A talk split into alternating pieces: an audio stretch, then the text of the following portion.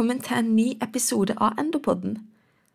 Denne episoden er laga av medisinstudent Amara Apmad, men hun er på utveksling, og derfor vil du da høre med Åse Bjorvatn Sævik guide deg gjennom alt du trenger å vite om en svært vanlig tilstand, nemlig osteoporose, eller beinskjørhet, som det heter på godt norsk.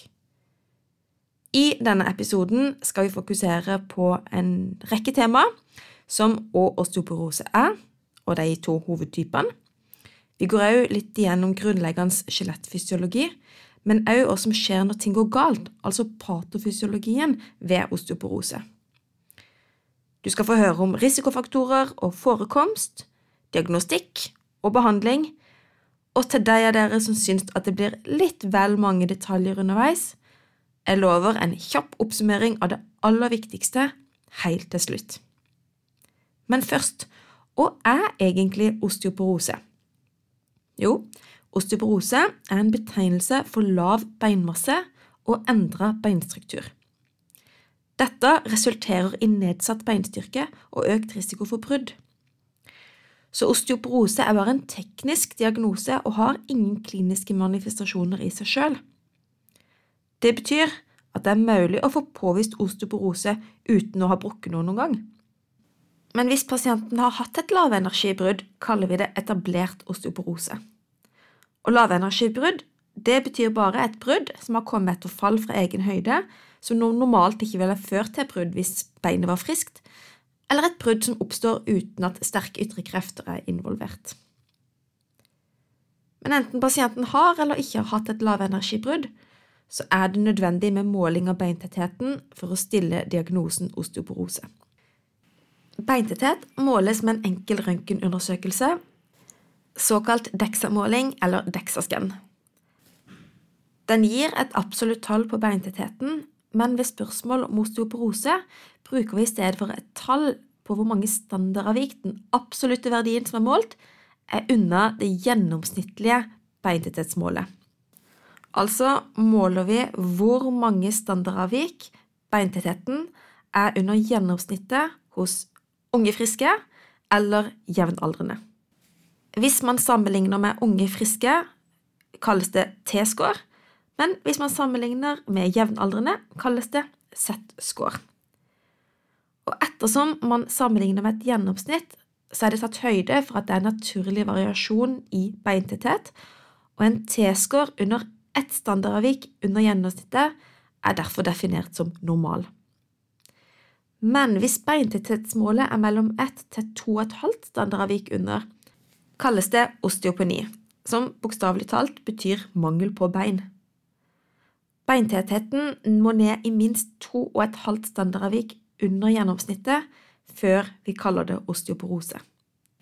Og Studier har vist at pasienter med osteoporose har en to til tre ganger økt risiko for lavenergibeinbrudd, særlig i ryggvirvler, lårhals eller underarm.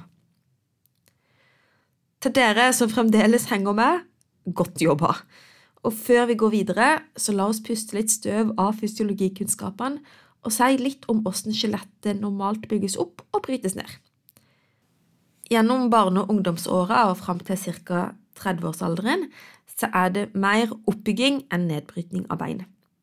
Så følger ca. ti år med balanse i beintap og beinoppbygging, men fra 40-årsalderen så begynner beintettheten å falle.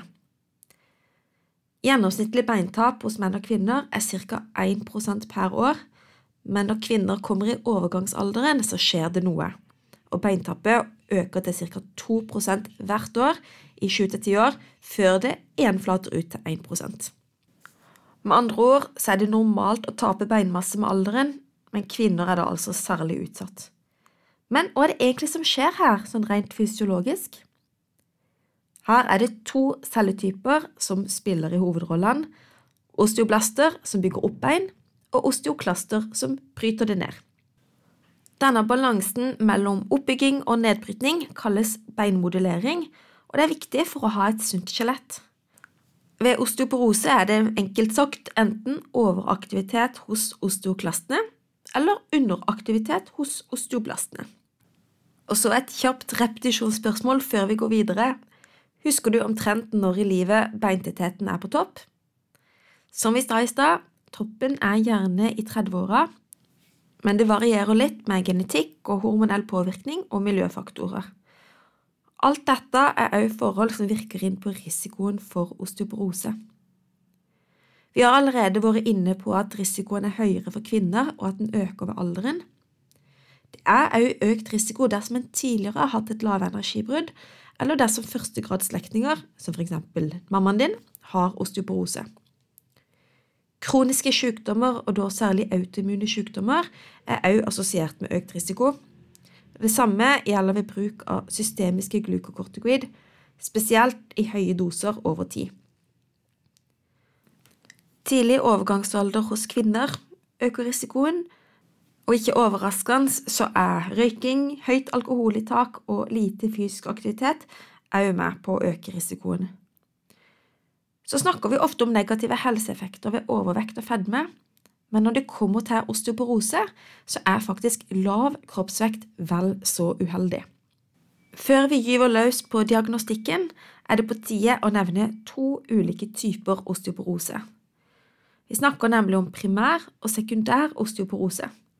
Ved primær osteoporose vet man rett og slett ikke årsaker til den lave beinmassen og den endra beinstrukturen, men sekundær osteoporose oppstår derimot som en følge av sykdom eller en medikamentell behandling. Og Det kan være en hormonsykdom, en kronisk lungesykdom, autoimmun sykdom, kreft, tarmsykdom, for å nevne noen kategorier. Og igjen, bruk av glukokortikoid er et av disse medikamentene som er forbundet med økt risiko. Primær osteoporose er det vanligste og kan egentlig kalles en folkesykdom. I Norge er det opp mot 300 000 personer med osteoporose, og vi er faktisk òg i verdenstoppen når det gjelder hoftebrudd, der osteoporose er en viktig årsak. Helt konkret kan halvparten av kvinner i Norge forvente et osteoporotisk brudd etter fylte 50 år, mens en fjerdedel av norske menn kan forvente det. Det aller vanligste bruddet i denne sammenhengen er brudd i ryggraden. Og To av tre av disse er asymptomatiske og er gjerne tilfeldig funn ved røntgen eller abdomen, eller kanskje blir det fanget opp fordi pasienten har tapt høyde eller utvikla kyfose. Hoftebrudd er jo mer dramatisk, men er jo relativt vanlig ved osteoporose. Og her kommer enda et repetisjonsspørsmål. Husker du den tekniske definisjonen av osteoporose? Ja, vi bruker DEXA-måling til å finne mål på beintettheten, og en T-score mindre eller lik 2,5 standardavvik under gjennomsnittlig beintetthet gir diagnosen osteoporose. Men det jeg ikke sa i stad, det var at beintettheten typisk måles i lubalkolumna, i lårhalsen eller total hofte. Og hvis T-scoren er større eller lik 3,5 standardavvik under gjennomsnittet, så tyder det på alvorlig osteoporose. I utredninga av osteoporose hører også blodprøver med. Det er anbefalt å gå litt bredt ut og måle elektrolytter, hormonprøver, infeksjons- og inflammasjonsprøver, hematologiske prøver, kalsium, vitamin D og prøver på lever- og nyrefunksjon. Så finnes det òg mer avanserte markører på beinomsetning, som CTX, som er en beinresepsjonsmarkør, og PINP, som er en beinformasjonsmarkør. Og CTX og PINP kan brukes til å monitorere effekten av behandling av osteoporose. Rent praktisk bør beinomsetningsmarkørene tas fastand på morgenen, gjerne mellom 8 og 10, og utenfor sykehus så er kanskje Pimp særlig nyttig fordi han ikke behøver å fryses ned før han sendes. En annen markør er beinspesifikke ALP, og det anbefales ved nyresvikt og er den beste markøren ved osteomalasi og Pagets sykdom, som er andre skjelettsykdommer. Har en mistanke om sekundær osteoporose, bør en i tillegg måle TSH, fritt til 4, prolaktin og kortisol og PTH gjerne òg FSH og LH, og SOBG og testosteron hos menn og østradiol hos kvinner. Det kan òg være aktuelt å måle vitamin B12 og ta cøliakiserologi, eventuelt òg gjøre serumelektroforese med tanke på myelomatose, eller genteste for laktoseintoleranse. Det finnes også skåringsverktøy til å utrede årsaker til den lave beintetheten og kartlegge faktorer som kan bedre eller forverre tilstanden. FRAX, FRAX, står for Fracture Risk Assessment Tool og er en kalkulator som beregner ti års sannsynlighet for hoftebrudd eller et annet stort osteoporotisk brudd for pasienter som ikke er behandla, og i alderen 40 90 år. Kalkulatoren inkluderer en rekke faktorer som kan påvirke risikoen for brudd, som eksempel landet pasienten bor i, alder, kjønn, vekt og høyde, tidligere brudd og brudd hos førstegradsslektninger, behandling med glukokortikoid, røyking, alkoholvaner, revmatoid artritt og andre sykdommer med kjent risiko for osteoporose, i tillegg til måling av beintettheten. Og ut fra hele denne lista beregner Frax altså sannsynligheten for hoftebrudd eller osteoporotisk brudd de neste ti åra. Og hvis den er over 20% så bør man starte forebyggende behandling.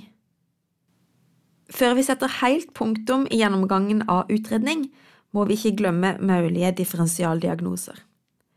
Og et lavenergibrudd trenger ikke nødvendigvis å skyldes osteoporose, men kan også skyldes forhold som osteomalasi, det kan være patologisk brudd ved en malign sykdom eller vertebral deformitet av annen årsak. Så er det omsider tid for å snakke om behandlinga. Målet med behandling av osteoporose er å forebygge framtidige brudd. Behandlinga går derfor ut på både å forebygge fall, men også medikamentell behandling. I tillegg er det selvfølgelig å redusere de risikofaktorene man kan, som å kutte røyk hvis man røyker, sørge for god ernæring og være fysisk aktiv.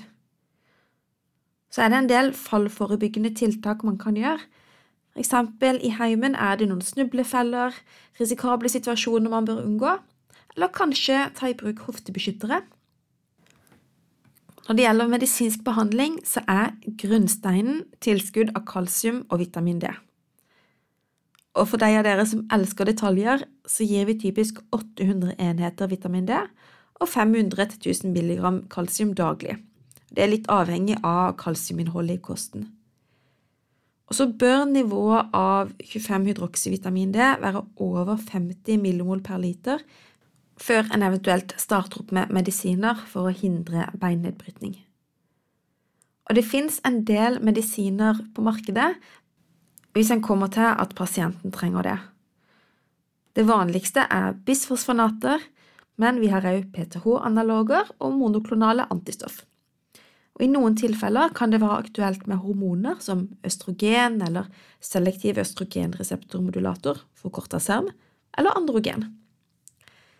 Hvis du bare skal huske én medikamentgruppe, så la det være bisfosfonat, for som jeg sa, det er det vanligste å gi og man kan gi det enten peroralt eller intravenøst.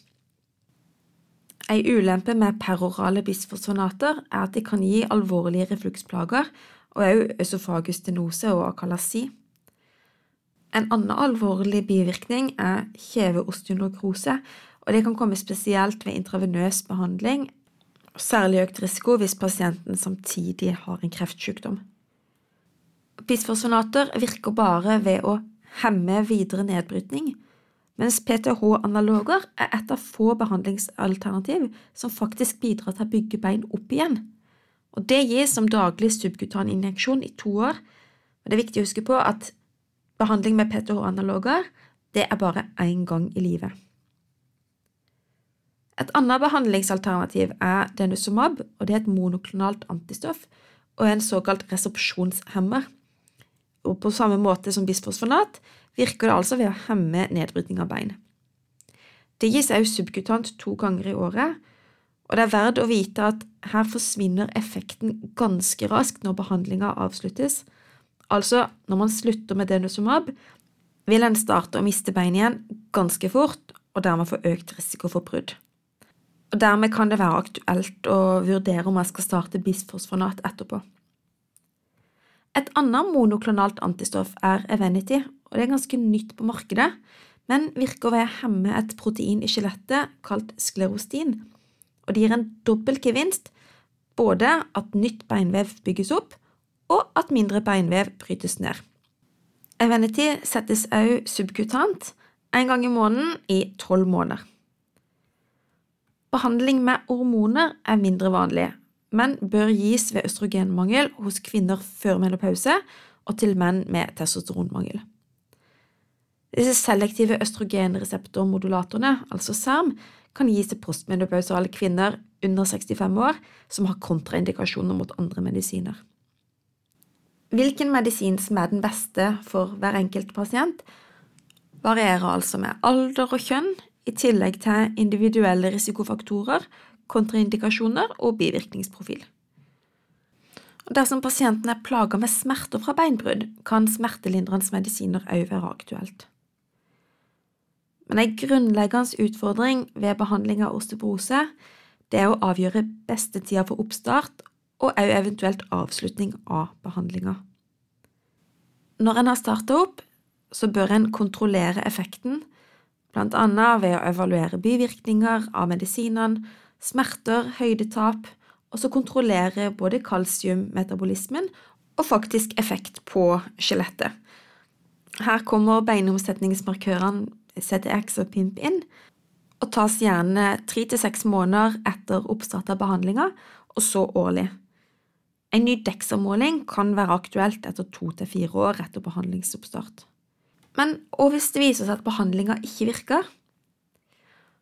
For å kalle det behandlingssvikt må beintettheten målt i rygg falle med mer enn 3% etter minst ett år med behandling, og eller at pasienten har pådratt seg et nytt lavenergibrudd. I så tilfelle så er det viktig å undersøke om pasienten faktisk får eller tar medisinene som foreskrevet.